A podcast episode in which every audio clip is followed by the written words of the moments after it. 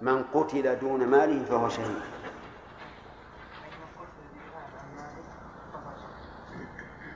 فهو شهيد. طيب. هل هذا يقتضي وجوب الدفاع عن المال؟ لا لا يقتضي وجوب الدفاع ها؟ لا يقتضي وجوب الدفاع عن المال لأنه بث الفضل على ال- على المقاتلة إذا استشهد ولم يأمر بالمقاتلة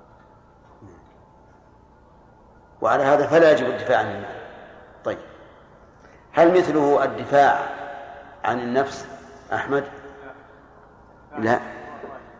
الدفاع عن النفس واجب. طيب. العرض؟ واجب. لأن لأنه لا يباح بأي حال من الأحوال. لكن المال يجوز للإنسان أن يتبرع به لأي واحد من الناس. أليس كذلك؟ أما نفسه لا يجوز أن يتبرع بها لأحد. عرضه لا يجوز أن يتبرع به لأحد. فلهذا وجب الدفاع عن النفس وعن العرض لأنها لا تباح بالإباحة وأما المال أجب يا أحمد. فيباح بالإباحة. لو قلت لواحد خذ هذا المال هدية يجوز؟ يقبل؟ طيب إذن يستباح بالإباحة لذلك لا يجب الدفاع عنه. أما الدفاع عن النفس فهو واجب. يجب أن يدافع عن نفسه لأنه لا يجوز أن يسلم نفسه لأحد أو يبيحها لأحد. إلا في هذا إلا فيما دل عليه حديث عبد الله بن خباب رضي الله عنه قال سمعت أبي يقول سمعت رسول الله صلى الله عليه وعلى آله وسلم يقول لا, لا يقول تكون فتن تكون هنا فعل مضارع ولكنها هنا تامة ومعنى تامة أنها تكتفي بمرفوعها كما قال ابن مالك وذو تمام إيش؟ ما برفع يكتفي وعلى هذا فتكون فتن فاعل تكون فتن أي توجد فتن.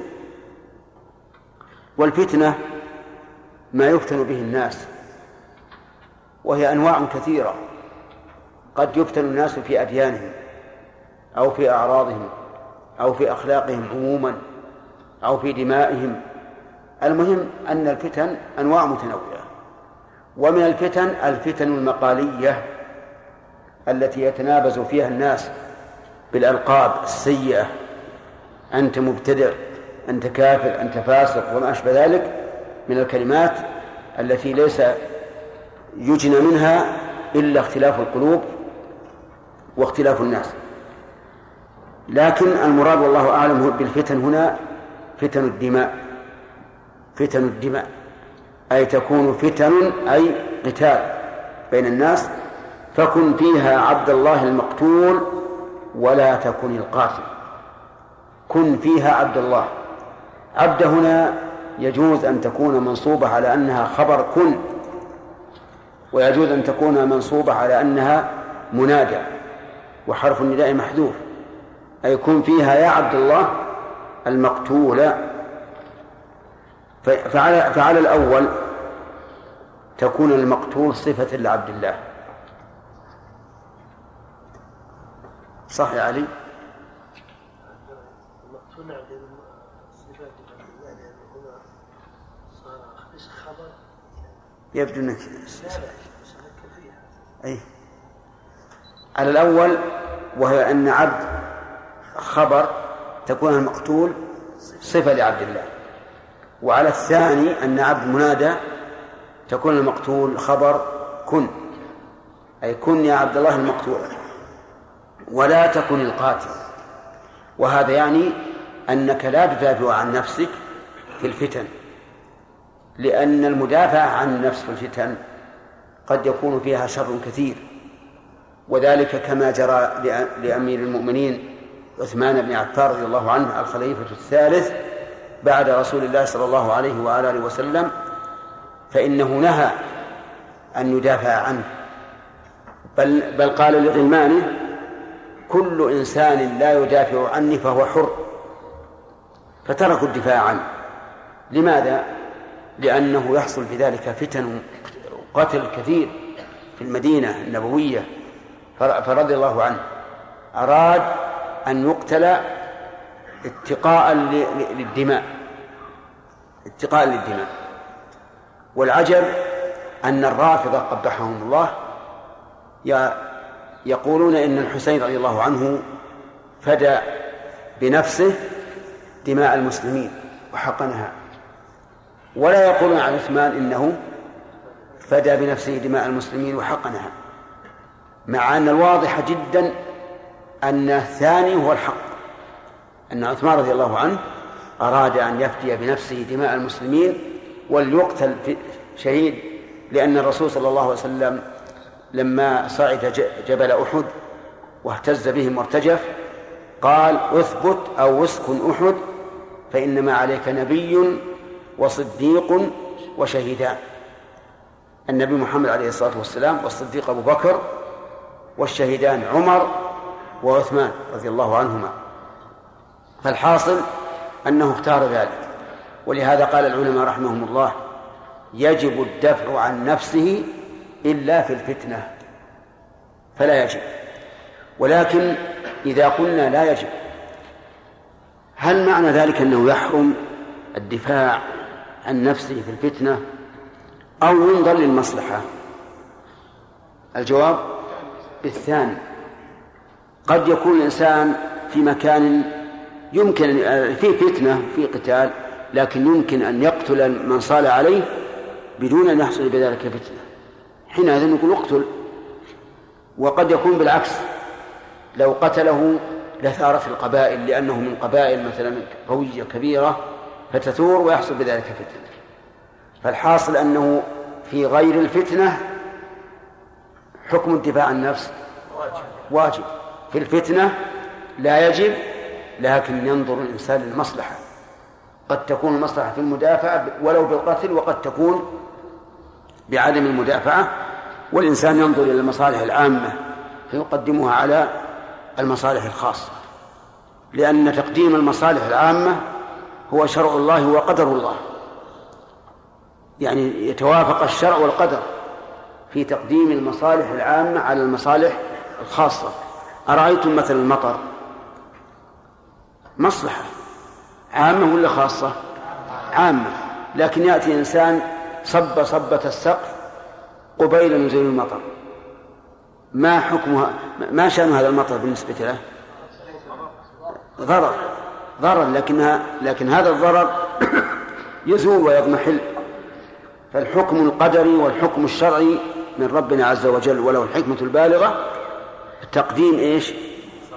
المصالح العامة على المصالح الخاصة. فأنت انظر في حال الفتنة. هل من المصلحة أن تدافع عن نفسك أو من المصلحة أن تمسك عن الدفاع؟ افعل ما ترى أنه مصلحة. لكن في غير الفتنة يجب أن تدافع. يجب أن تدافع. وبهذا نعرف أن من قاتل ليستشهد قاتل ليستشهد فهل يكون شهيدا؟ لا تتعجلوا إذا قاتل ليقتل فهذا ليس بشيء وإن قاتل ليستشهد بمعنى ليكون قتاله لإعلاء كلمة الله فهو فهو شهيد. والنية لها أثر بالغ.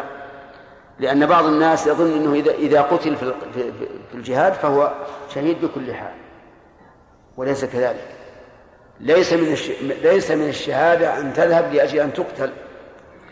إنما الشهادة أن تذهب لتقاتل لتكون كلمة الله العليا. حينئذ إذا قتلت فأنت شهيد.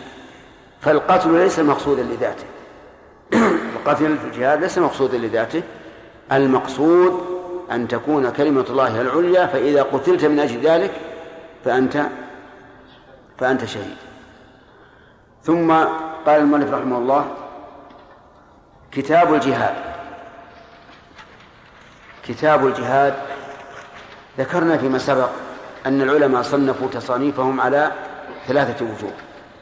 كتاب والثاني والثالث فصل. فالكتاب هو عبارة عن الدخول إلى مسائل متعددة من أجناس متعددة لكن يجمعه حكم واحد. والباب إيش؟ للأنواع لتحديد الأنواع. فمثل الجهاد فيه عقد ذمة وفي عهد وفي أشياء متنوعة. والفصل نعم لتنوع المسائل فقط. مو لتنوع المسائل لتعديل المسائل. فهو كالاستراحة. الفصل كالاستراحة. إذا طال الباب جعلوا فصولا. الجهاد لا. لا يشك عالم باللغة العربية أنه مصدر فعله جاهد يجاهد جهادا. ومعناه بذل الجهد أي الطاقة في إدراك أمر شاق. وهنا نقول المراد به في هذا الباب خاصة بذل الجهد لتكون كلمة الله هي العليا. هذا هو الجهاد. بذل الجهد لتكون كلمة الله هي العليا وعلى هذا التعريف يشمل الجهاد بالسلاح والجهاد بالبيان لأن طالب العلم يبذل الجهد من أجل أن تكون كلمة الله العليا ودين الله تعالى هو المعمول به في الأمة. فهو يقرأ الكتاب والسنة ويفهم معناهما وينشره بين الناس ويدعو إلى سبيل الله فهو إذن إيش؟ مجاهد لا شك مجاهد في سبيل الله.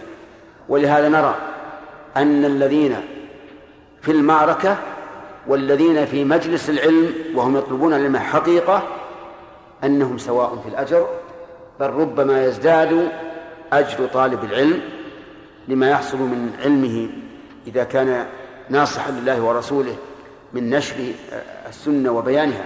ولهذا نجد أن المجاهد في المعركة محتاج إلى المجاهد في العلم.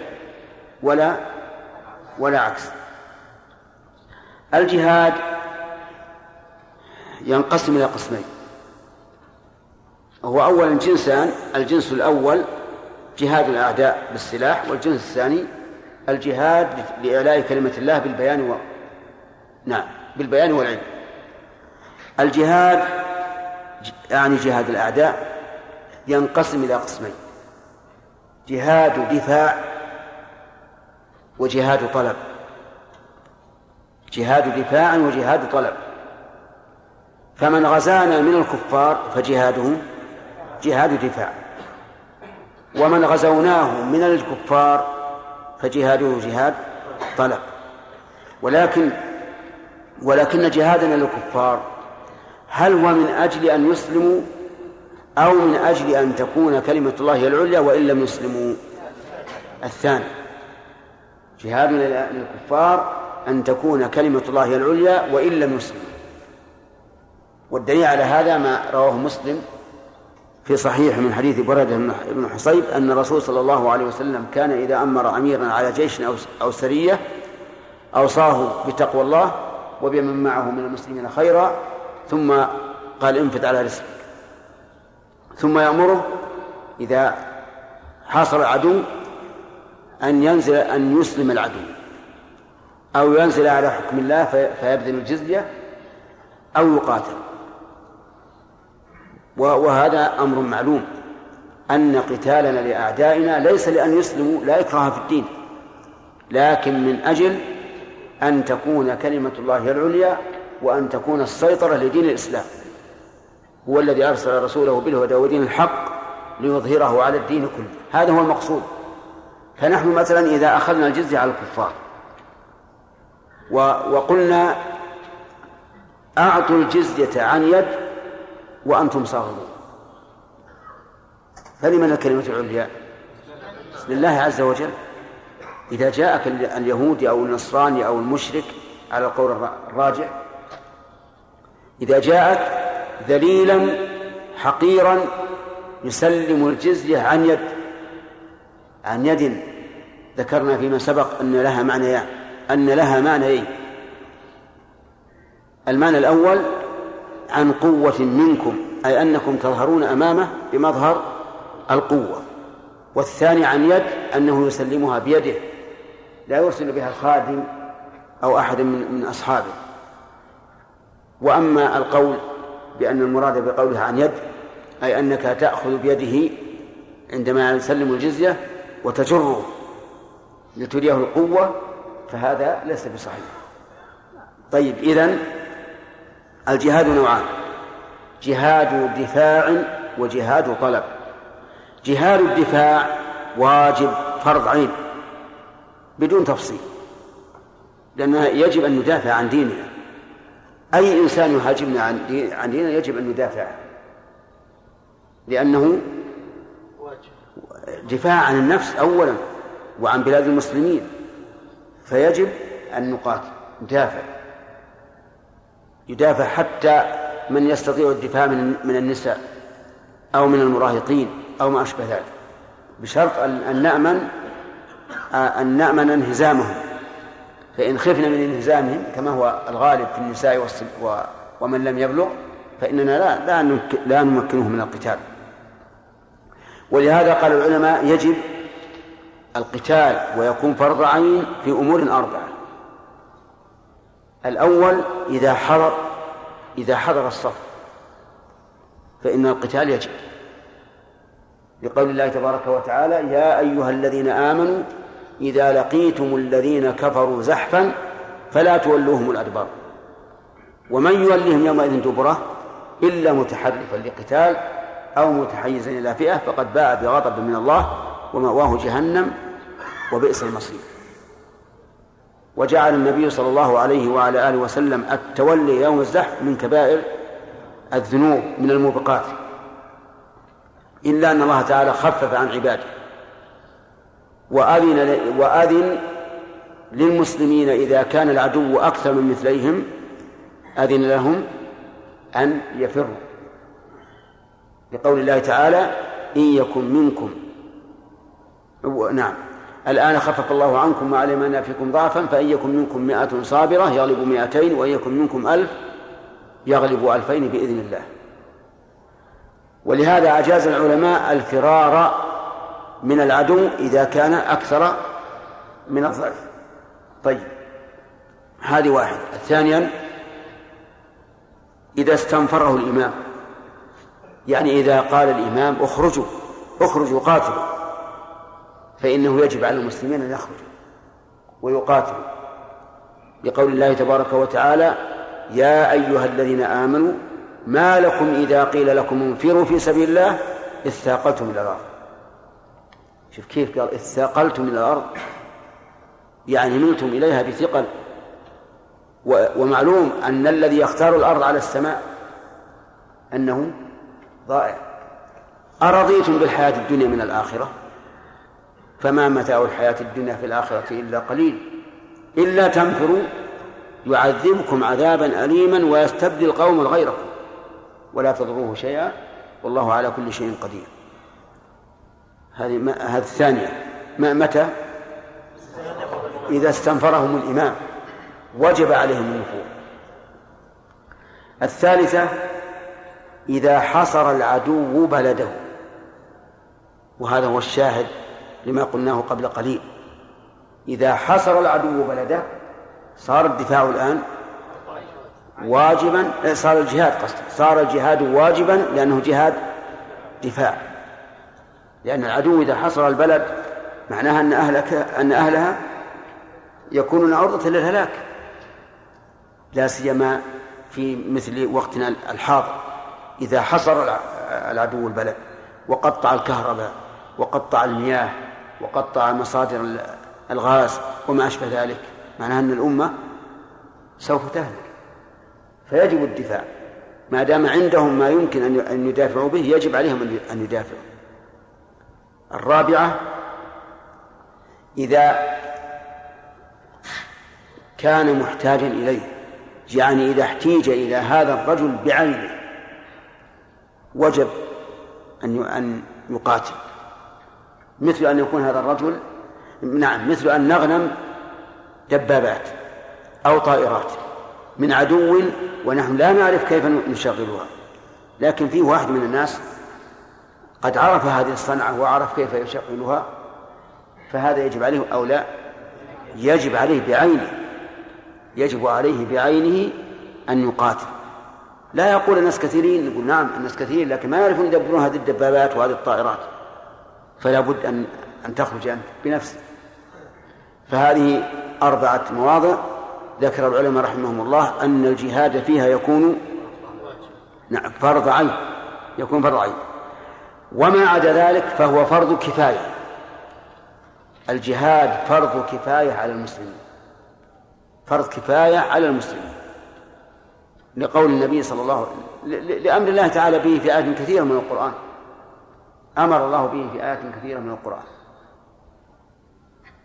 وأخبر النبي صلى الله عليه وعلى آله وسلم أن الجهاد ذروة سنام الإسلام. يعني أعلى لأن المجاهدين يعلون أو بالأصح يعلون على أعدائهم فلهذا شبهه النبي صلى الله عليه وسلم بذروة السنام لأنه أعلى ما في البعير. فالجهاد فرض كفاية. إذا قام به من يكفي سقط عن الباقي. وإن لم يقم به من يكفي إيش؟ تعين عليه. تعين عليه. ولكن اعلموا أن كل واجب لا بد فيه من شرط القدرة. كل واجب لا بد فيه من شرط القدرة. والدليل على ذلك أن النصوص من القرآن والسنة ومن الواقع أيضا. أما القرآن فقد قال الله تعالى لا يكلف الله نفسا إلا وسعها. وقال تعالى فاتقوا الله ما استطعتم. وقال تعالى وجاهدوا في الله حق جهاده واجتباكم وما جعل عليكم في الدين من حرج. يعني حتى لو أمرتم بالجهاد ما في حرج. إن قدرتم عليه فهو سهل وإن لم تقدروا عليه فهو حرج مرفوع. طيب إذن لا بد من القدرة والاستطاعة. هذا من القرآن من السنة قال النبي صلى الله عليه وعلى آله وسلم إذا أمرتكم بأمر أتموا فأتوا منه ما استطعتم. إذا أمرتكم بأمر فأتوا منه ما استطعتم. وهذا عام في كل أمر لأن قوله بأمر نكرة في سياق الشرط فيكون للعموم سواء أمر العبادات أو الجهاد أو غيره. وأما الواقع فقد كان النبي صلى الله عليه وعلى آله وسلم في مكة يدعو الناس إلى توحيد الله وإلى الصلاة. وبقي على هذا ثلاث عشرة سنة لم يؤمر بالجهاد مع شدة الإيذاء له ولمتبعيه عليه الصلاة والسلام. وقلة الأوامر أو قلة التكاليف أكثر أركان الإسلام ما وجبت إلا في في المدينة. ولكن هل أمروا بالقتال؟ لا. لماذا؟ لأنهم لا يستطيعون. هم خائفون على أنفسهم. إن النبي صلى الله عليه وسلم خرج من مكة خائفا على نفسه. وهو وهذا معروف. ولذلك لم يوجب الله عز وجل القتال إلا بعد أن صار للأمة الإسلامية دولة وقوة. أمروا بالقتال. أذن للذين يقاتلون بأنهم ظلموا وإن الله على نصرهم لقدير. وعلى وعلى هذا فإذا قال لنا قائل الآن لماذا لا نحارب أمريكا وروسيا وفرنسا وإنجلترا؟ لماذا؟ ها؟ لعدم القدرة. ما يعني الأسلحة اللي قد ذهب عصرها عندهم هي التي هي التي بأيدينا وهي عند أسلحتهم بمنزلة السكاكين الموقد عند الصواريخ. ما ما تريد شيئا. فكيف يمكن أن أن نقاتل هؤلاء؟ ولهذا أقول إنه من الحمق. أن يقول قائل إنه يجب علينا الآن أن نقاتل أمريكا وفرنسا وإنجلترا وروسيا. كيف نقاتل؟ هذا تأباه حكمة الله عز وجل. ويأباه شرعه لكن الواجب علينا أن نفعل ما أمر الله عز وجل. وأعدوا لهم ما استطعتم من قوة. هذا الواجب علينا. أن نعد لهم ما استطعنا من قوة وأهم قوة نعدها هو الإيمان والتقوى. الإيمان والتقوى هو القوة لأننا بالإيمان والتقوى سوف نقضي على أهوائنا ونقضي أيضا على تباطؤنا وتثاقلنا ونقضي على محبتنا للدنيا. لأننا الآن نحب الدنيا ونكره الموت. الصحابة رضي الله عنهم المجاهدون ماذا؟ حالهم عكس حالهم. يريدون الموت ويكرهون الحياة في الذل. فالواجب أن أن نعد ما استطعنا من القوة وأولها الإيمان والتقوى. ثم التسلح. التسلح الذي علم هؤلاء. ألا يعلمنا؟ يعلمنا لكن لم لم نتحرك. ثم في الواقع لو تحركنا كمخت الرؤوس. ما نستطيع. ما نستطيع. ولا حاجة إلى إلى أن أعين لكم أنهم إذا رأوا إنسان إذا رأوا دولة يمكن أن أن تنتعش بالأسلحة فعلوا ما فعلوا مما هو معلوم لكم. أقول إن الواجب الآن أن نستعد بالإيمان والتقوى وأن نبذل الجهد والشيء الذي لا نقدر عليه غير مكلف نحن غير مكلفين به ونستعين الله عز وجل. على هؤلاء الأعداء. ونحن نعلم أن الله تعالى لو شاء لانتصر منهم. كما قال تعالى ولو شاء الله لانتصر منهم ولكن ليبلو بعضكم ببعض. ثم والذين قتلوا في سبيل الله فلن يضل أعمالهم. حتى لو ابتلى بعضنا ببعض وقتل من قتل منا فإن الله لن يضل أعمال هؤلاء الذين قتلوا في سبيل الله. سيهديهم ويصلح بالهم ويدخلهم الجنة عرفها لهم. فالحاصل الذي أحب أن أقول وأؤكد أنه لا بد من القدرة. لا بد من القدرة. أما مع عدم القدرة فإن الشرع والقدر يتفقان بأنه لا يجب علينا أن نتحرك. ما دمنا لا نستطيع. الواقع والشرع كله يدل على هذا. أظن جاء وقت الأسئلة. طيب. من المهم فيما نعده لأعدائنا ألا نتفرق. ألا نتفرق ونحن تحت راية واحدة وألا نتفرق ونحن تحت رايات. يعني مثل الأمة الإسلامية الآن كم لها من دولة؟ ها؟ دول كثيرة. بينما هي في صدر الإسلام كم دولة؟ واحدة. لكن تعدد الدول. هذه الدول هل هي متفقة أو مختلفة؟ مختلفة غاية الاختلاف. متباينة غاية التباين. إذا كيف ننتصر على أعدائنا؟ ثم الدولة الواحدة هل اتفق شعبها؟ نعم. الغالب لا. الغالب لا. أحزاب. أحزاب. طوائف. طوائف من الناحية السياسية وطوائف من الناحية الدينية والأخلاقية والمنهجية. واخرج ترى. اخرج من بلادك هذه. ترى العجب العجاب. يمكن أن يكون كل قرية ترى نفسها دولة مستقلة في عقيدتها ومنهجها وأعمالها وأحكامها. فكيف مع هذا التفرق نريد أن ننتصر على أعدائنا؟ ولهذا يحكى لنا أن هناك كلمة كلمة حكيمة يطلقها الإنجليز وهم أهل السياسة. يقول فرق إيش؟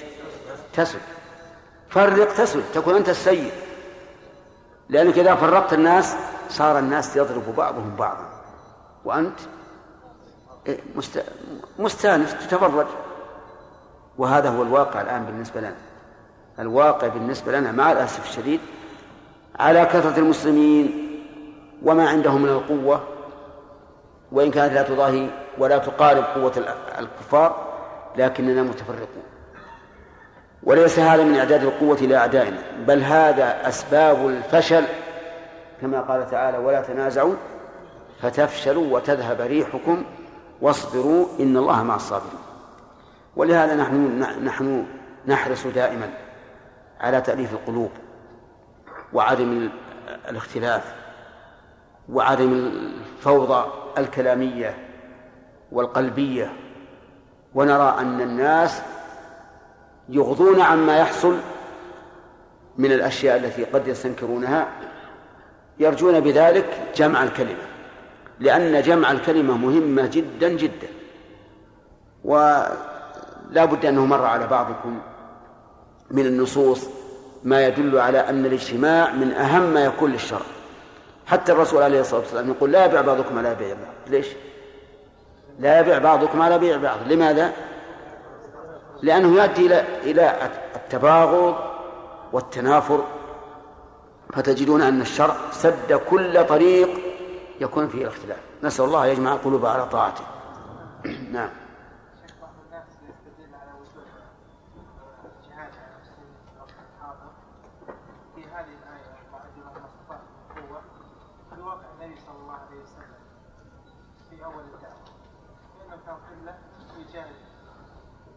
ما جاهد ما جاهد جهة قتال أبدا. إلا حين صار قويا. أي؟ نعم نحن نعد ما استطعنا. لكن وين من الذي أعددنا وش أكبر ما عندك من سلاح؟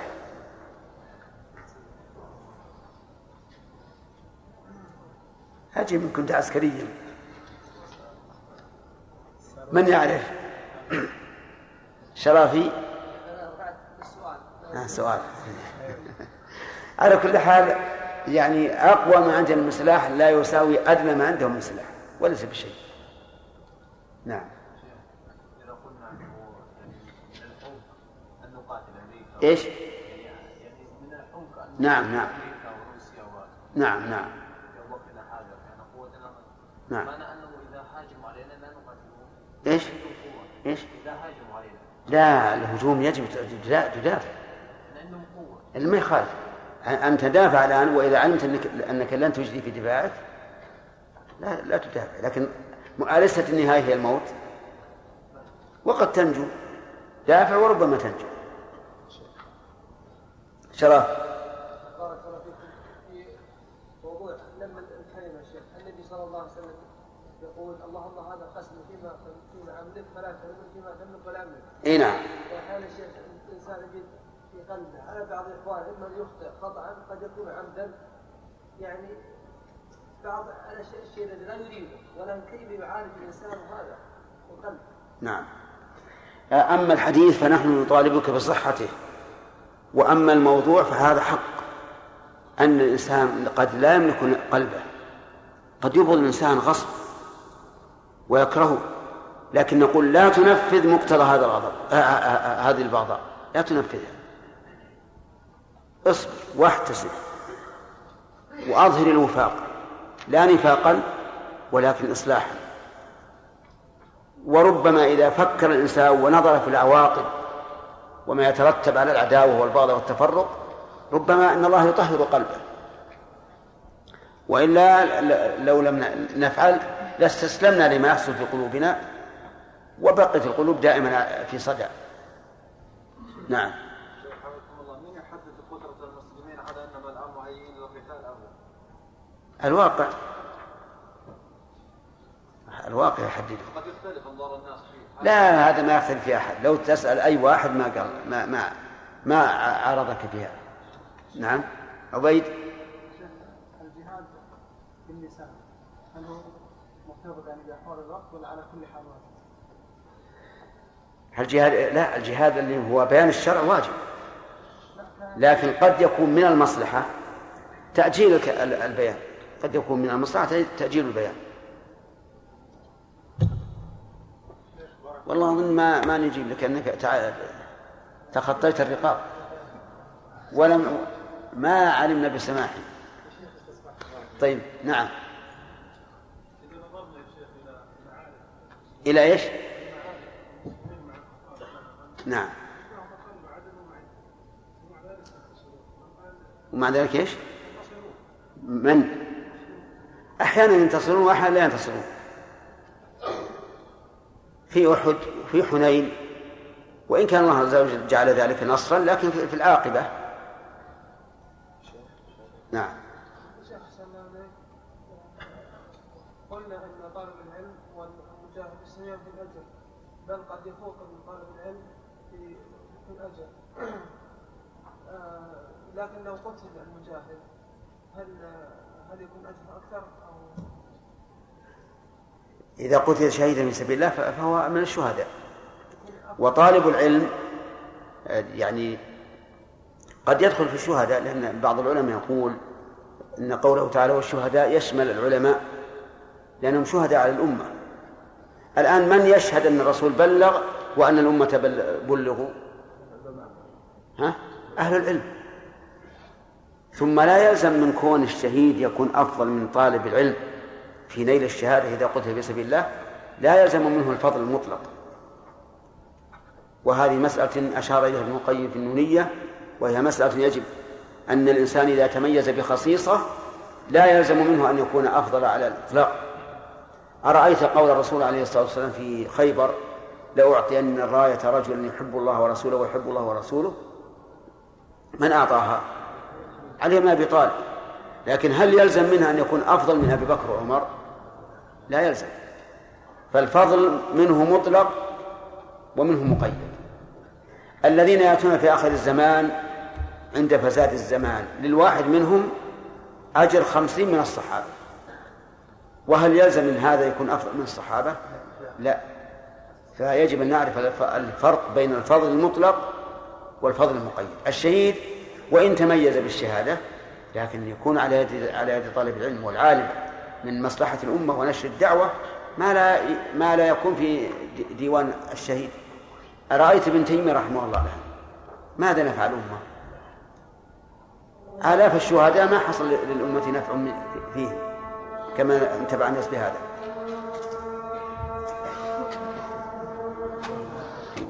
آه، بدأنا بالجهاد أمس. وقلنا أن الجهاد يكون على أنواع. نعم.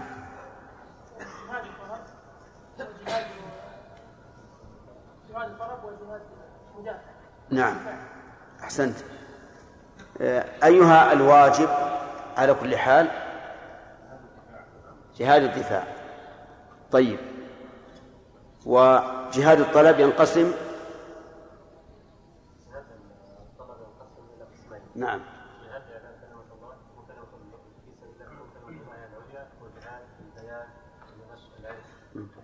يعني جهاد بالسلاح وجهاد بالعلم والبيان. طيب.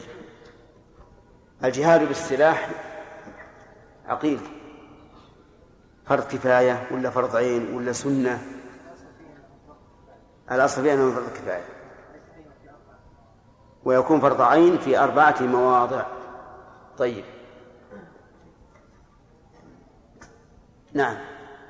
أخذت يا سعد. لا. إذا حضر إذا حضر الصف. إذا حصل العدو بلاده. إذا استنفره الإمام. إذا احتيج إليه بعينه. صحيح.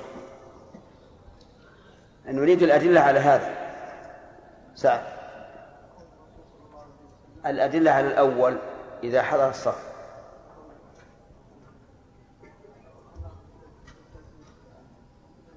لا لا.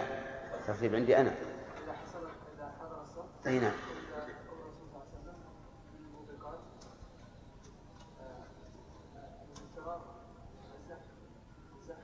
تولي يوم الزحف.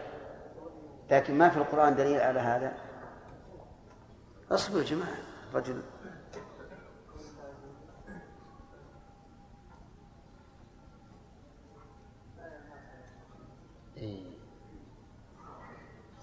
حسن. قبله قبله.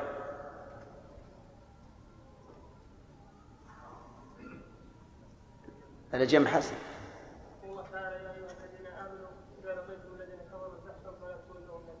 نعم.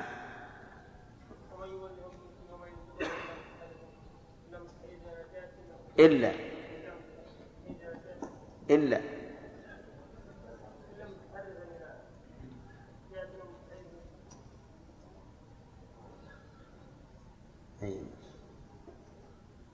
أخذت أظن يلا كمل الآية الله عز وجل يا ايها الذين امنوا اذا لقيتم الذين كفروا زحفا فلا تولوهم الادبار ومن يولهم يومئذ دبره الا متحرف لقتال أو متحرف للباقيه فقد فاز غضبا من الله.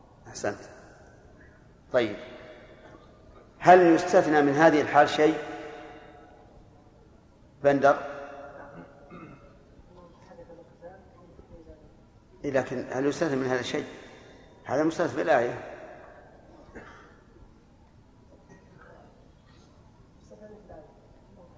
وغيره.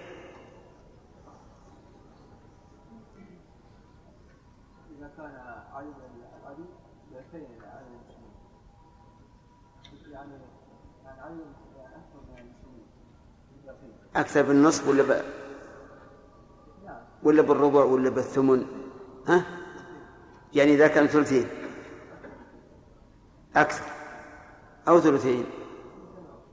ثلثين أو أكثر. أو أقل. ما عرفت. آدم؟ إيه. إذا زاد على الضعف طيب. ما هو الدليل على هذا يا آدم.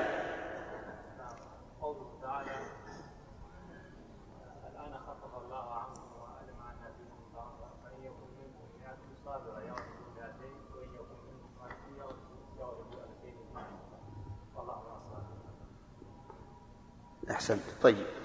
آه، الموضوع الثاني مما يكون فيه فرض عين. آدم. إيش؟ نعم. الدليل الله تعالى يا ايها الذين امنوا ما لكم اذا قيل لكم انفروا في سبيل الله اثاقلتم من الأرض كمل. من الآخرة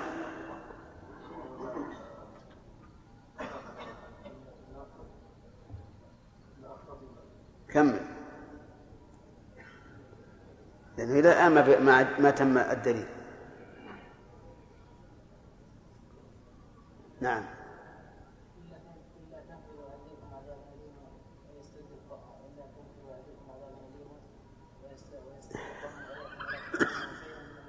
والله على كل شيء قدير أحسنت بارك الله آه، الموضع الثالث.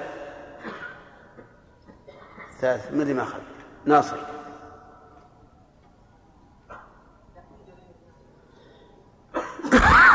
الاحتجاج بعينه ما هو الدليل؟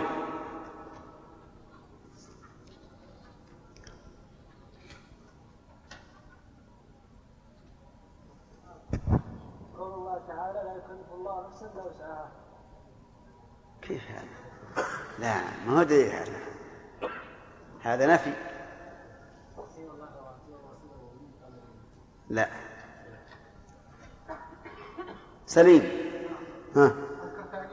علم تعليل إذا إذا لم يقوم مقام أحد له خصائص فالحرب ما يقوم أحد مقامه أن يلزمه عين عناته.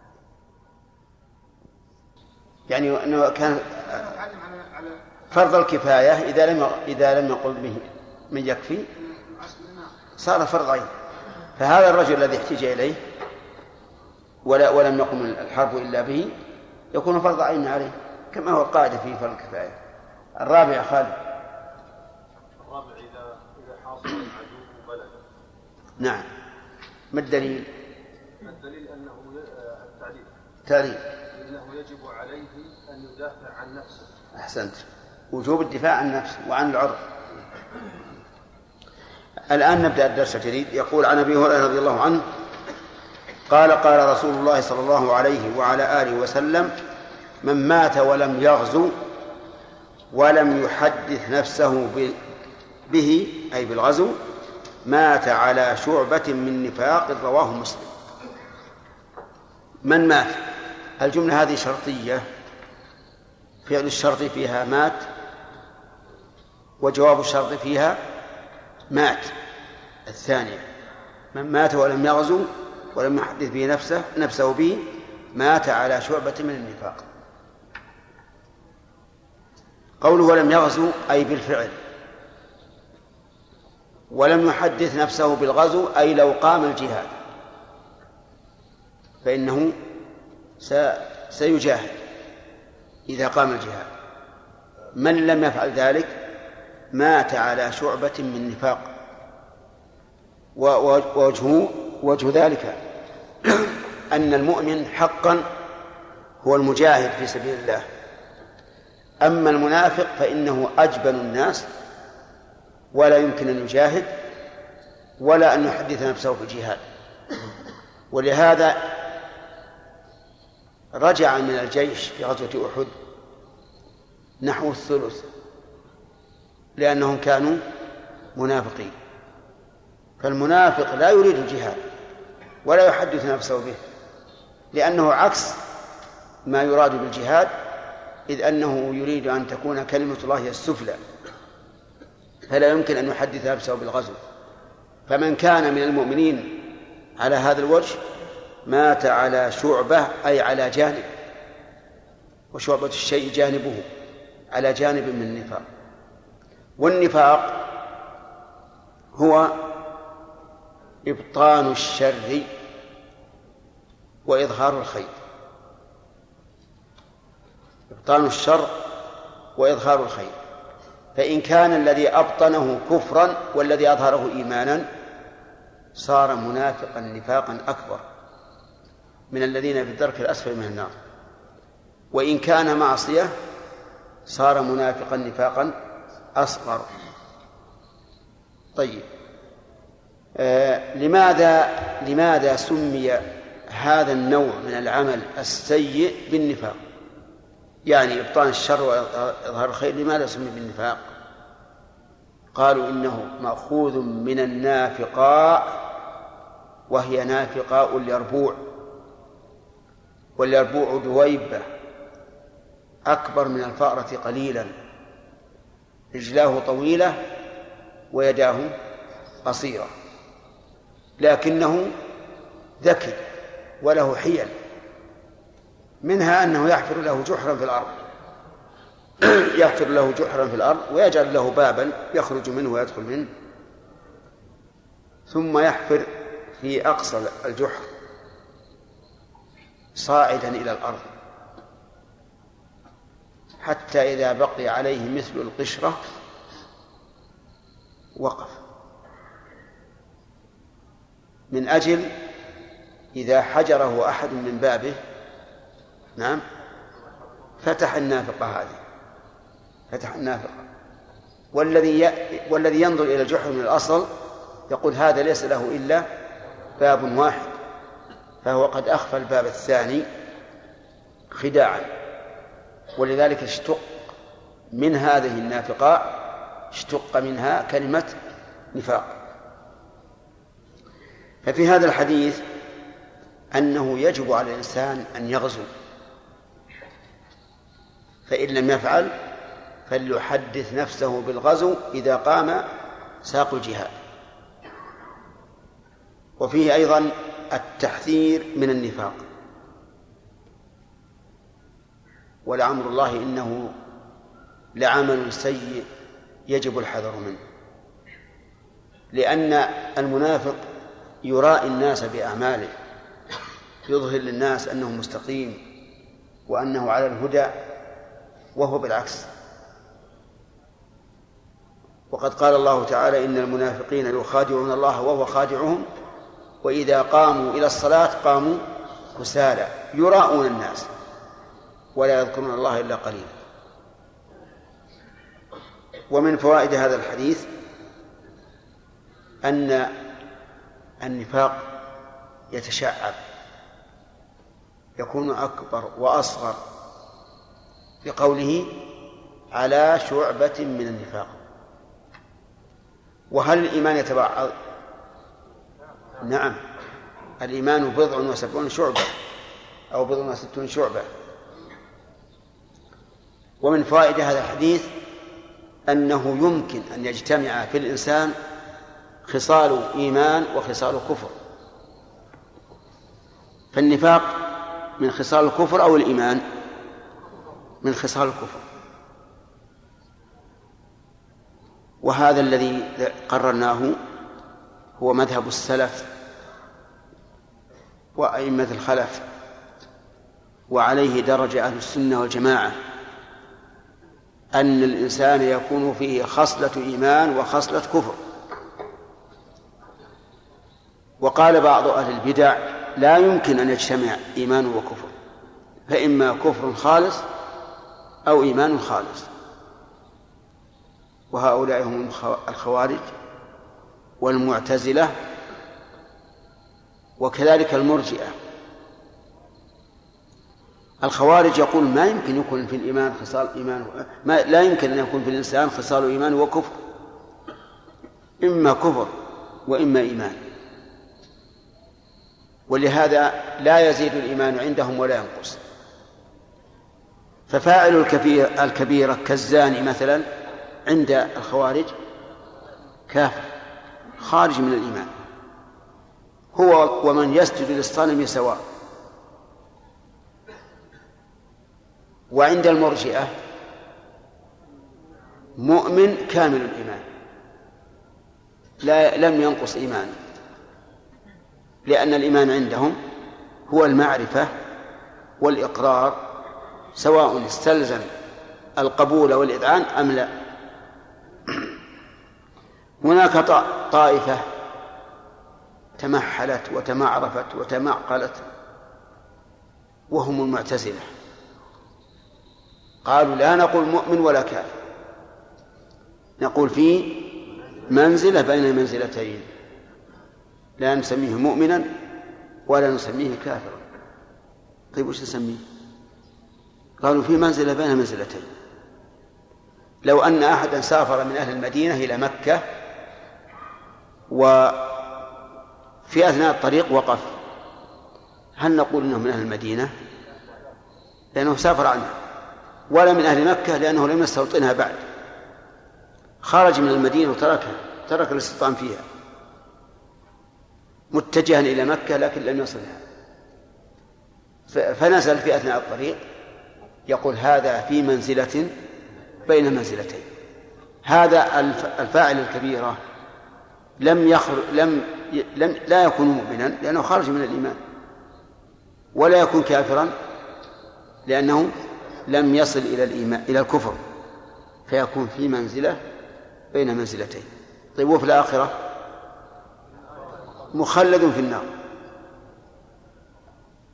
كما يقول الخوارج تماما. لكن أهل السنة والحمد لله هداهم الله تعالى الصراط المستقيم. وقالوا يجب أن نقول بالعدل وأن نقول هذا مؤمن بإيمانه فاسق بكبيرته. أو مؤمن ناقص الإيمان وليس كامل الإيمان وهذا هو الحق. ثم قال وعن أنس بن مالك رضي الله عنه أن النبي صلى الله عليه وعلى آله وسلم قال جاهدوا المشركين بأموالكم وأنفسكم وألسنتكم رواه أحمد والنسائي وصححه الحاكم. جاهدوا فعل أمر ومعناه ابذلوا الجهد يعني الطاقة في معاملة المشركين لأجل إعلاء كلمة الله بأموالكم وأنفسكم وألسنتكم. أما الأموال فأن يدفع الإنسان شيئا من ماله للمجاهدين في سبيل الله أو لشراء السلاح ليجاهد به في سبيل الله. ومن جهز غازيا فقد غزا. أنفسكم أن يباشر الإنسان نفسه الجهاد في سبيل الله. يخرج نفسه الثالث ألسنتكم. وذلك بالخطب والأشعار وما أشبه ذلك. كهجاء المشركين وتشجيع المسلمين المجاهدين وما أشبه. ويحتمل أن يكون المراد بقوله وألسنتكم بيان الحق فيكون منفصلا عما قبله ويكون مراد الجهاد باللسان هو جهاد أهل العلم. يجاهدون بألسنتهم فيبينون, فيبينون للناس شريعة الله ويدعونهم إليها وأيهما أولى؟ أن نقول المراد بالجهاد باللسان الخطب التي تحث على الجهاد والتي توجب وهن أعدائنا وكذلك القصائد وكم كلمة صارت أشد من من السيوف وكان النبي صلى الله عليه وسلم يحث حسانا على هجاء المشركين ويقول اللهم أيده بروح القدس أو أن نقول إن المراد بالألسن بيان الحق ويكون المراد بالجهاد هنا جهاد إيش؟ جهاد العلم يعني الجهاد بالعلم فيبين, فيبين للناس ما نزل عليهم أو الأمرين. أو الأمرين. طيب. أو الأمرين. جريا على القاعدة التي تقول إذا أمكن حمل اللفظ على المعنيين بدون تناقض فهو أولى من الاقتصار على أحدهما وعلى هذا فيكون هذا أعم. قوله صلى الله عليه وسلم جاهدوا المشركين. جاهدوا المشركين. هل هو خاص بالمشركين أو حتى الكفار والمنافقين وغيرهم؟ الثاني ويكون ذكر المشركين على سبيل التمثيل. ويدل لهذا قوله تعالى يا أيها النبي جاهد الكفار والمنافقين واغلظ عليهم. وهذا عام. الكفار. فيستفاد من هذا الحديث فوائد وجوب جهاد المشركين. أي بذل الجهد في قتالهم حتى تكون كلمة الله العليا. وفيه من الفوائد أن الجهاد يقوم بالمال والنفس واللسان. لقوله بأموالكم وأنفسكم وألسنتكم. وهل هذا ينزل على حالات أو على التخيير؟ نعم. الظاهر الثاني لأن إذا قلنا بأنه على الحالات صار الجهاد بالمال واجبا على من لا يستطيع ببدنه وصار الجهاد واجبا بالنفس على من لا يستطيع بماله وكذلك يقال بالجهاد باللسان. أما إذا قلنا على التخيير فصار من لم يجاهد بنفسه جاهد بماله. وربما يكون الجهاد بالمال أنفع من الجهاد بالنفس. قد يكون الإنسان جبانا أو ضعيف الجسم أو ما أشبه ذلك وعنده ثروة مالية يستطيع أن يبذل أن يبذل منها في الجهاد. فهنا نقول الأفضل إيش؟ الجهاد بالمال. لأن هذا الرجل ضعيف لا يستطيع المقاومة أو يكون جبانا والجبان تعرفون أنه لا يستطيع المجابهة لأنه جبان. إذا رأى العدو ألقى بالسيف ثم هرب. هل هذا يصلح للجهاد؟ لا يصلح. فعنده مال نقول جاهد بمالك. ليس عنده مال ولا قوة بدن نقول جاهد بلسانه. وكم من إنسان يستطيع أن يجاهد بلسانه دون ماله ونفسه. فالظاهر والله أعلم أنه على التخيير ولكنه ينظر فيه للمصلحة. وعن عائشة رضي الله عنها قالت قلت يا رسول الله على النساء جهاد؟ قال نعم.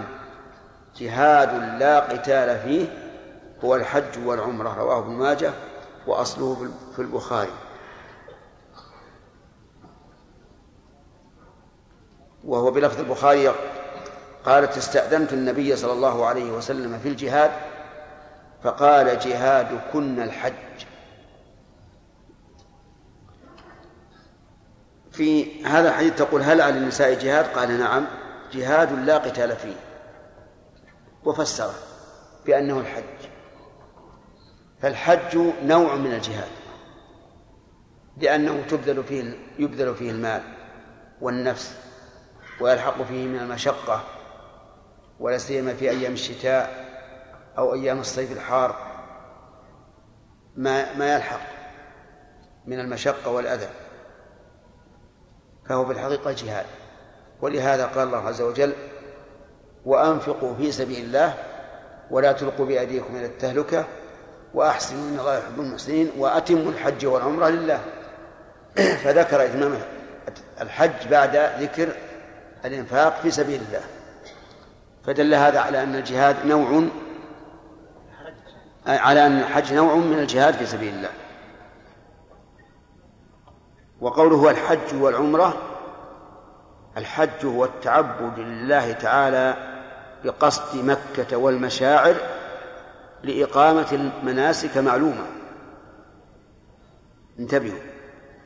هو التعبد لله بإيش؟ بقصد مكة والمشاعر لإقامة أعمال معلومة. وهذا أحسن من تعريف من عرفه بقوله قصد مكة لعمل مخصوص. لأن هذا التعريف قصد مكة لعمل مخصوص يشمل ما لو ذهب رجل إلى مكة ليتجر. فقد ذهب إلى مكة ليش؟ لعمل مخصوص. فالتعريف هنا غير مانع. والصواب أن يقال هو التعبد لله التعبد لله لا بد من هذا. طيب. الحج إذن قصد مكة هو التعبد لله تعالى بقصد مكة والمشاعر إيش؟ لعمل مخصوص. طيب. العمرة التعبد لله تعالى بقصد البيت لعمل مخصوص. لأن عمل المعتمر لا يشمل كل مكة فهو لا يخرج إلى مزدلفة ولا إلى منى ولا إلى عرفة. في هذا الحديث فوائد. أولا حرص الصحابة على العلم.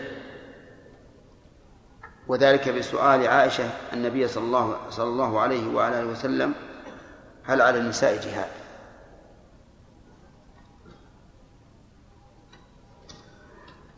وهل سؤال الصحابة لمجرد العلم أو للعلم والعمل؟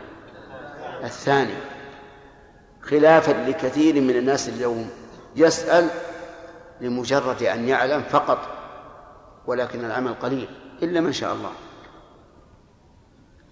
من فوائد هذا الحديث رغبة النساء في الجهاد لأنه من أفضل الأعمال بل هو ذروة سنام الإسلام كما قال النبي صلى الله عليه وسلم ذلك. ووجهها أنها سألت هل عليهن جهاد ومن فوائد هذا الحديث أن الجهاد لا يجب على المرأة. نعم وهو كذلك. فالمرأة لا يجب عليها الجهاد. بل للحاكم أن يمنعها من الجهاد وذلك لأنها ليست من من ذوي العزائم والقوى والجلد. إذ أن عزيمتها ضعيفة. وكذلك صبرها وقوتها وجلدها ضعيف. فلا تصلح أن تكون من أهل الجهاد بل ربما يكون وجودها ضررا على المجاهدين. فإن قال قائل في وقتنا الحاضر قد تكون المرأة قائدة لط- لطائرة مسلحة. أفلا يجب عليها أن أن تجاهد؟ نقول لا يجب. لأنها وإن كانت قائدة م-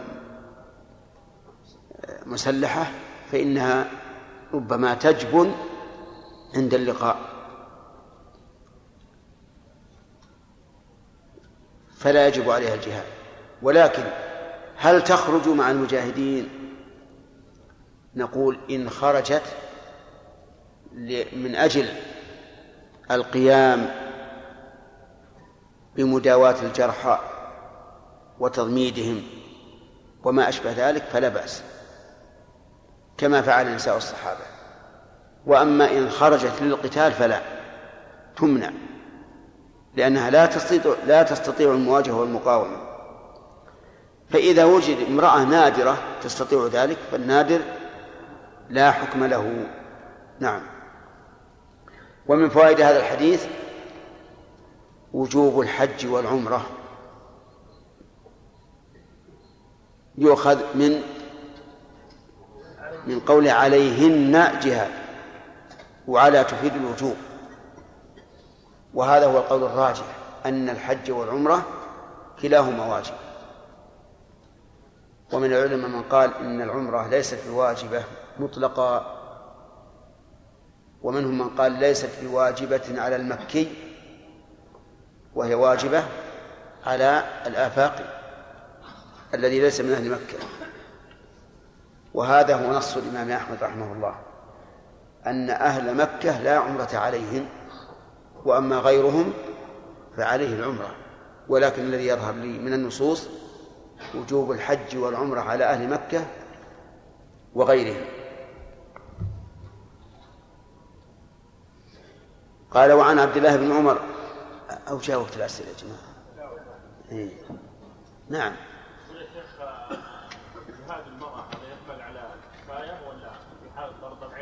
لا فرعين في المدافعة. في المدافعة واجب. نعم. إذا كان شخص مثلا يظهر للناس أنه حسن السيرة وكذا وهو كذلك يعني إذا كان بينه وبين نفسه فهو يقرأ القرآن.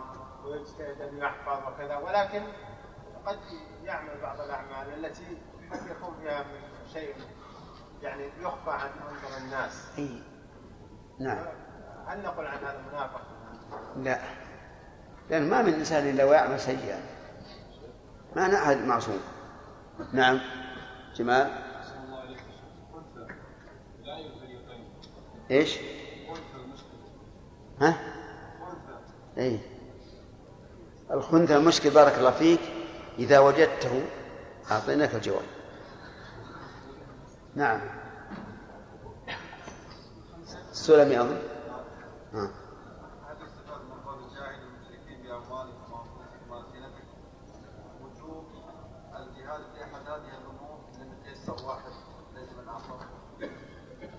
هذا هو الظاهر لا بد لا بد من الجهاد بواحد من الأمرين عبيد؟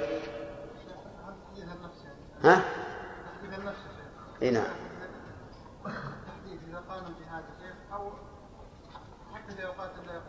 لا يحدث نفسه يقول بنفسه لئن قام الجهاد لأجاهدن. إي نعم. مصطفى. أحمد. بارك الله فيكم. آه، أشكل علي مسألة عدم وجوب المدافعة عن المال. نعم. في رجحنا أنه لا يجب إنه إيش؟ لا يجب إيش؟ لا يجب على نعم. نعم نعم لأنه يجوز أن يهرب مجانا ها؟ يجوز أن يهرب لل- للعلة نعم، نعم. ولكن في الشرح يعني يعني كما فهمت أنا أن رجحنا خلاف ذلك لا قلنا لا يجب لا تعطي الرسول قال لا تعطي لما قال لو قال أعطي ما قال لا تعطي قلنا للحديث قلنا. فليقاتله نعم. نعم. نعم. وكذلك لأن المال محرم وكذلك لو قلنا بعدم الوجوب هذا كلام لا. سابق. لا لا نعم. له قول لا تعطي يعني لا يجب عليك إعطاؤه ولك أن تقاتله ثم عاد ينظر هل هذا الصائر الذي قال أعطه مالك معروف بالشر والفساد فيقاتل راجع عدم الوجود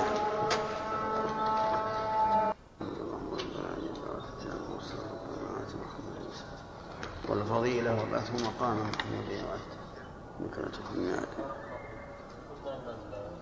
الحد على داعي الحد كفاره له كفاره لما فعل فهل لو رجل فعل كبيرا أو فعل ما يوجب الحد ولكنه لم يقام عليه الحد وتاب بينه وبين الله سبحانه وتعالى؟ نعم. فهل يكون ايمانه ناقص هذا أمر لا ت... التوبة تهدم ما قبلها. التوبة تهدم ما قبلها. نعم. هل لا تركتموه يتوب فيتوب الله عليه؟ حديث ماعز نعم.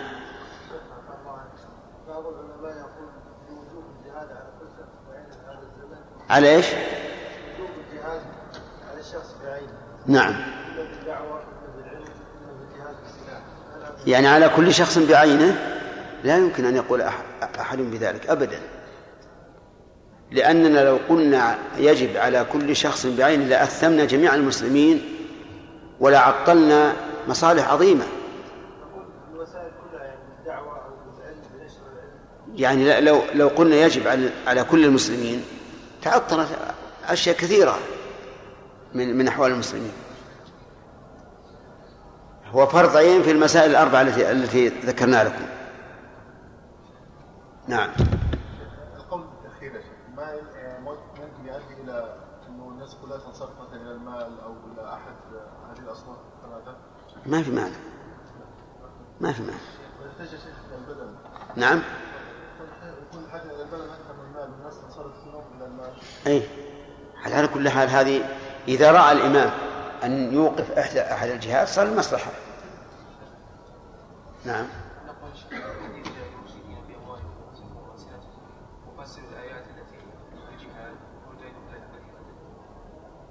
هذا في القرآن آه، نص على الأموال والأنفس بإذن الله نقول شيء يعني يفسر أي نعم.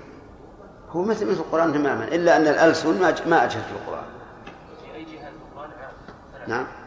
وجهاد في القرآن عام ثلاثة للثلاثة هي في قوله يا أيها النبي جاهد الكفار ما ذكر.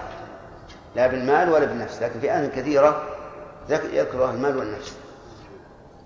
نعم. شيخ الآن في بعض الدول التجنيد الإجباري. هل هذا جائز بالنسبة للحاكم؟ لدخوله تحت عموم قوله تعالى وأعدوا ما استطعتم نعم. لأن لو العدو اقتحم البلاد كثير من الشباب لا يعرف يمسك السلاح. صحيح. وعموم قوله صلى الله عليه وسلم جاهدوا الكفار وجاهدوا المشركين بأموالكم وأنفسكم إي نعم.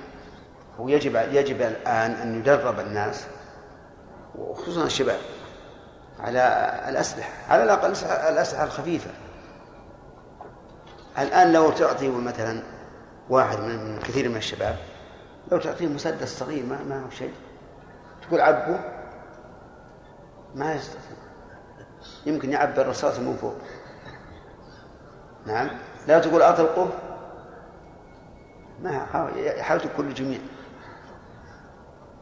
فهو لا لابد أنا أرى أنه يجب على الدولة أن تج... أن تجند الشباب.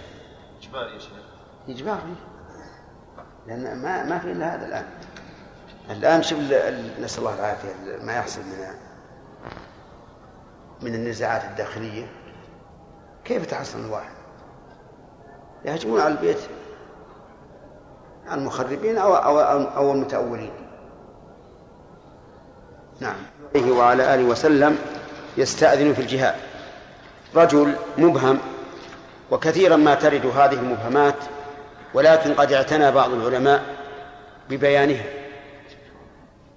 ومنهم من وصل به الحال إلى حد التكلف. والحقيقة أن أن بيان المبهم إذا كان فيه مصلحة فجدير أن يضيع فجدير أن يبذل الإنسان وقته فيه أي في بيانه. وإلا فالمهم هو معرفة الحكم. وقوله يستأذن في الجهاد أي يطلب الإذن. فقال النبي صلى الله عليه وعلى آله وسلم أحي والداك. الجملة استفهامية للإعلام أو للاستعلام على الأصح. يعني يستعلم الرسول عليه من ذلك وقول أحي والداك هذا التركيب مما يتعين فيه أن يكون الفاعل نائبا مناب الخبر. فلماذا؟ لماذا؟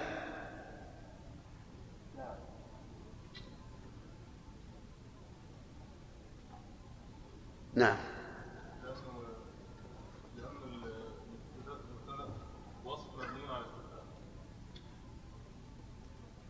لا. عبيد. ها؟ خطأ. يعني قاصر. عبد الله عوفي. لأنهما استويا في الإفراد. خطأ. الوصف ولا والخبر خطأ. لأنه وصف اعتمد على خطأ. خطأ.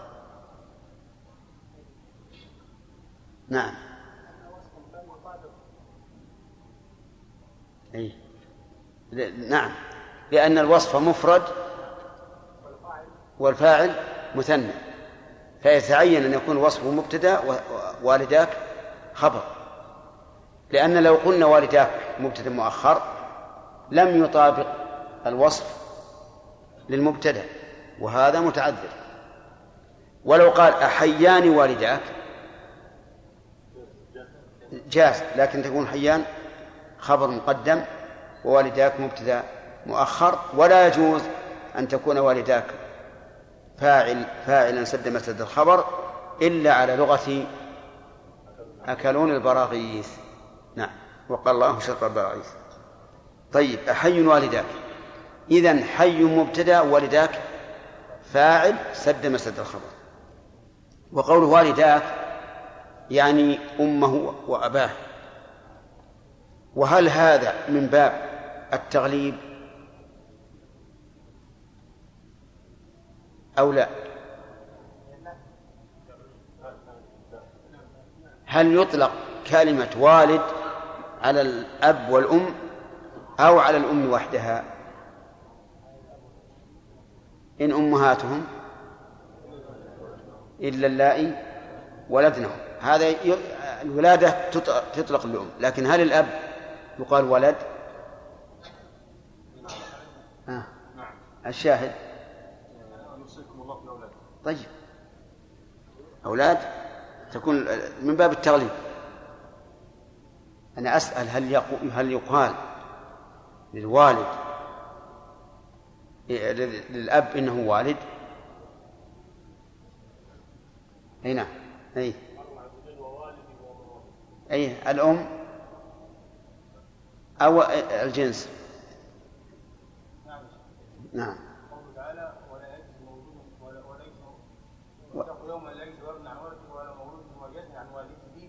والد تشمل؟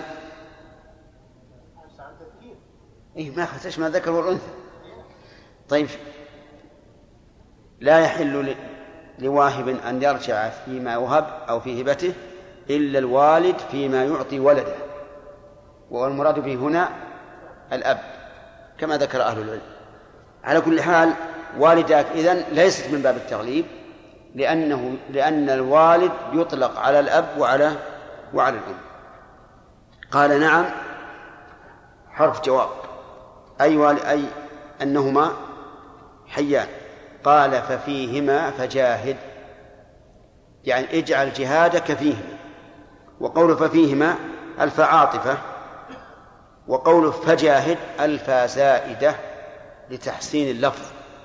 والأصل ففيهما جاهد. هذا هو الأصل. لكن تأتي أحيانا الفاء لتحسين اللفظ كما هي في قولك فقط. فقط الفاء هذه زائدة لتحسين اللفظ وأصلها قط. طيب. هذا الحديث يفيد أن حق الوالدين مقدم على الجهاد. فهل هو على إطلاقه؟ سننظر إن شاء الله في الفوائد. ويستفاد يستفاد من هذا الحديث عدة فوائد. أولا وجوب استئذان ولي الأمر في الجهاد. انتبهوا لا تتسرعوا هل يفيد الوجوب أو يفيد أنه الأولى والأفضل؟ ما ما الثاني الثاني أنه ينبغي لمن أراد الجهاد أن يستأذن من ولي الأمر لئلا يجاهد من لا يصلح للجهاد ومن فوائدها من فوائد هذا الحديث أن النبي صلى الله عليه وعلى آله وسلم لا يعلم الغيب. لقوله أحي والداك. وهذا أمر يكاد يكاد يكون معلوما بالضرورة. لدلالة الكتاب والسنة عليه دلالة صريحة واضحة. وأنه لا يعلم الغيب عليه الصلاة والسلام. ومن فوائد هذا الحديث مشروعية استفهام المفتي. حتى لا يجيب بكلام مطلق أو عام مع وجوب التقييد أو التخصيص. لقوله أحي والداك. فإن قال قائل الأصل عدم التفصيل. إلا فيما دعت إليه الضرورة. فيقال لعل النبي صلى الله عليه وعلى آله وسلم فهم من حال الرجل السائل أنه لا بد من الاستفهام. فعندي أنه يحتمل أن الرسول صلى الله عليه وسلم لما رأى هذا الرجل غير صالح للجهاد أراد أن يعرف هل له والدان حتى يكون جهاده في والديه مغنيا عن جهاد الأعداء؟ لأن من الناس من نأذن له أن يجاهد لكونه أهلا للجهاد في القوة والشجاعة ومن الناس من لا نأذن له ونوجهه إلى جهاد آخر. حسب ما تقتضيه حاله. وإلا فلو جاء أحد يستأذنني ويقول أو جاهد وأنا أرى أنه وأنا أرى أنه رجل شجاع قوي. لا فلا حاجة للاستفصال. لكن يظهر لي والله أعلم أن النبي صلى الله عليه وسلم رأى من حال الرجل أن جهاده في والديه أفضل من جهاده في للكفار. ومن فوائد هذا الحديث أن الاقتصار على نعم في الجواب دون إعادة السؤال يحصل به المقصود. يحصل به المقصود. لأن النبي صلى الله عليه وسلم بنى على كلامه حين قال نعم. وكذلك الإشارة تقوم مقام العبارة إذا كانت مفهومة. ولكن هل يشترط لقيام الإشارة مقام العبارة أن تكون العبارة ممتنعة شرعا أو حسا أو لا يشترط؟ يرى بعض العلماء أن الإشارة لا تقوم مقام العبارة إلا إذا تعذر إلا إذا تعذرت العبارة شرعا كما لو كان الإنسان في صلاة واستأذنه أحد أو سلم عليه فهنا يتعذر الرد بالعبارة فلا بد من الإشارة. أو تعذرت حسا كالأخرس. أما إذا أمكن النطق فإنه لا يجزئ لا, لا تقوم الإشارة مقامه. والصحيح أنها تقوم مقامه مطلقا. إلا ما اشترط فيه النطق كعقد كإيجاب النكاح والطلاق وما أشبه ذلك. ولهذا لو أن امرأة سألت زوجها الطلاق قال طلقني. قال هكذا. يكفي ولا ما يكفي؟ لا يكفي. لأن لابد في الطلاق. لابد من اللفظ لفظ الطلاق أو ما يقوم مقامه من العبارات. الكتابة تقوم مقام النطق. نعم تقوم مقام النطق حتى وإن أمكن النطق. ولهذا لو كتب الإنسان في ذمتي لفلان كذا وكذا أو زوجتي طالق أو عبدي حر أو بيتي وقف نفذ وإن لم يكن عاجزا عن النطق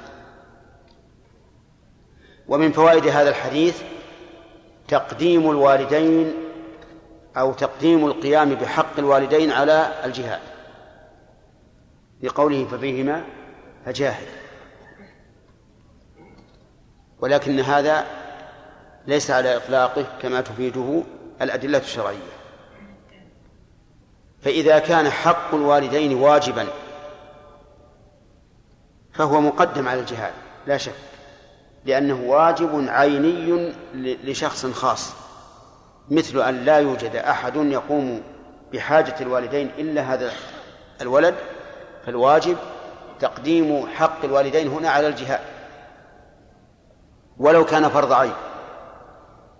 اللهم إلا في المسائل التي سبقت إذا حضر الصف أو احتج إليه حاجة ضرورية أو ما أشبه ذلك.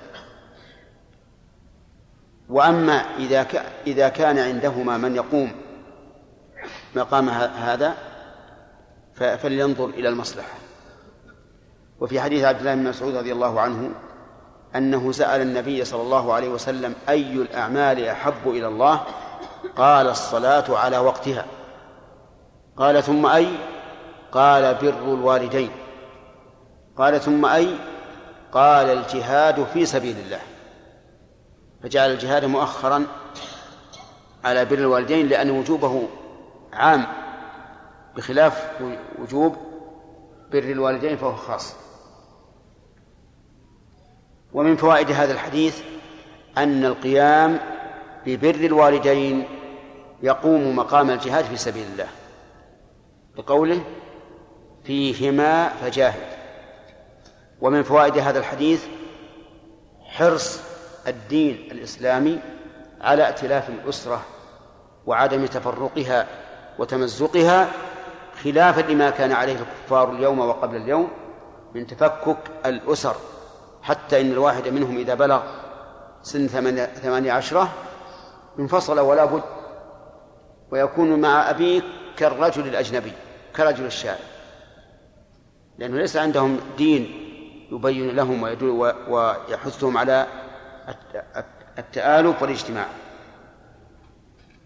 ولأحمد وأبي داود من حديث أبي سعيد النحو وزاد ارجع فاستأذنهما فإن أذنا لك وإلا فبرهما.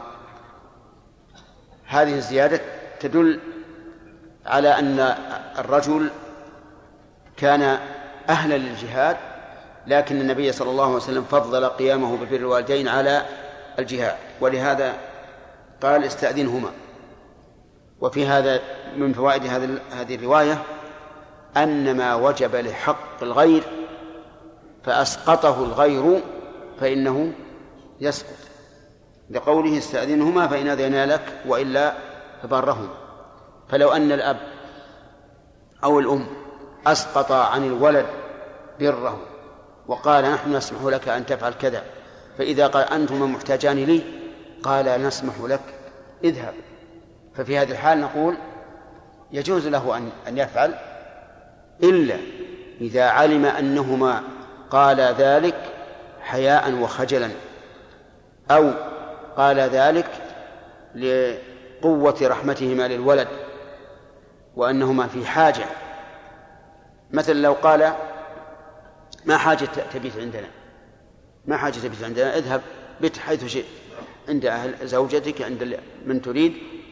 وهو يعلم أنهما قال ذلك شفقة عليه ورحمة به. ففي هذه الحال لا يطيعهما. ما داما محتاجين لأن يبيت عندهما. وعن جرير بن عبد الله رضي الله عنه قال وعن جرير بن عبد الله يعني البجلي رضي الله عنه قال قال رسول الله صلى الله عليه وعلى آله وسلم أنا بريء من كل مسلم يقيم بين المشركين رواه الثلاثة وإسناده صحيح ورجح البخاري إرساله. يعني أنه منقطع عند البخاري.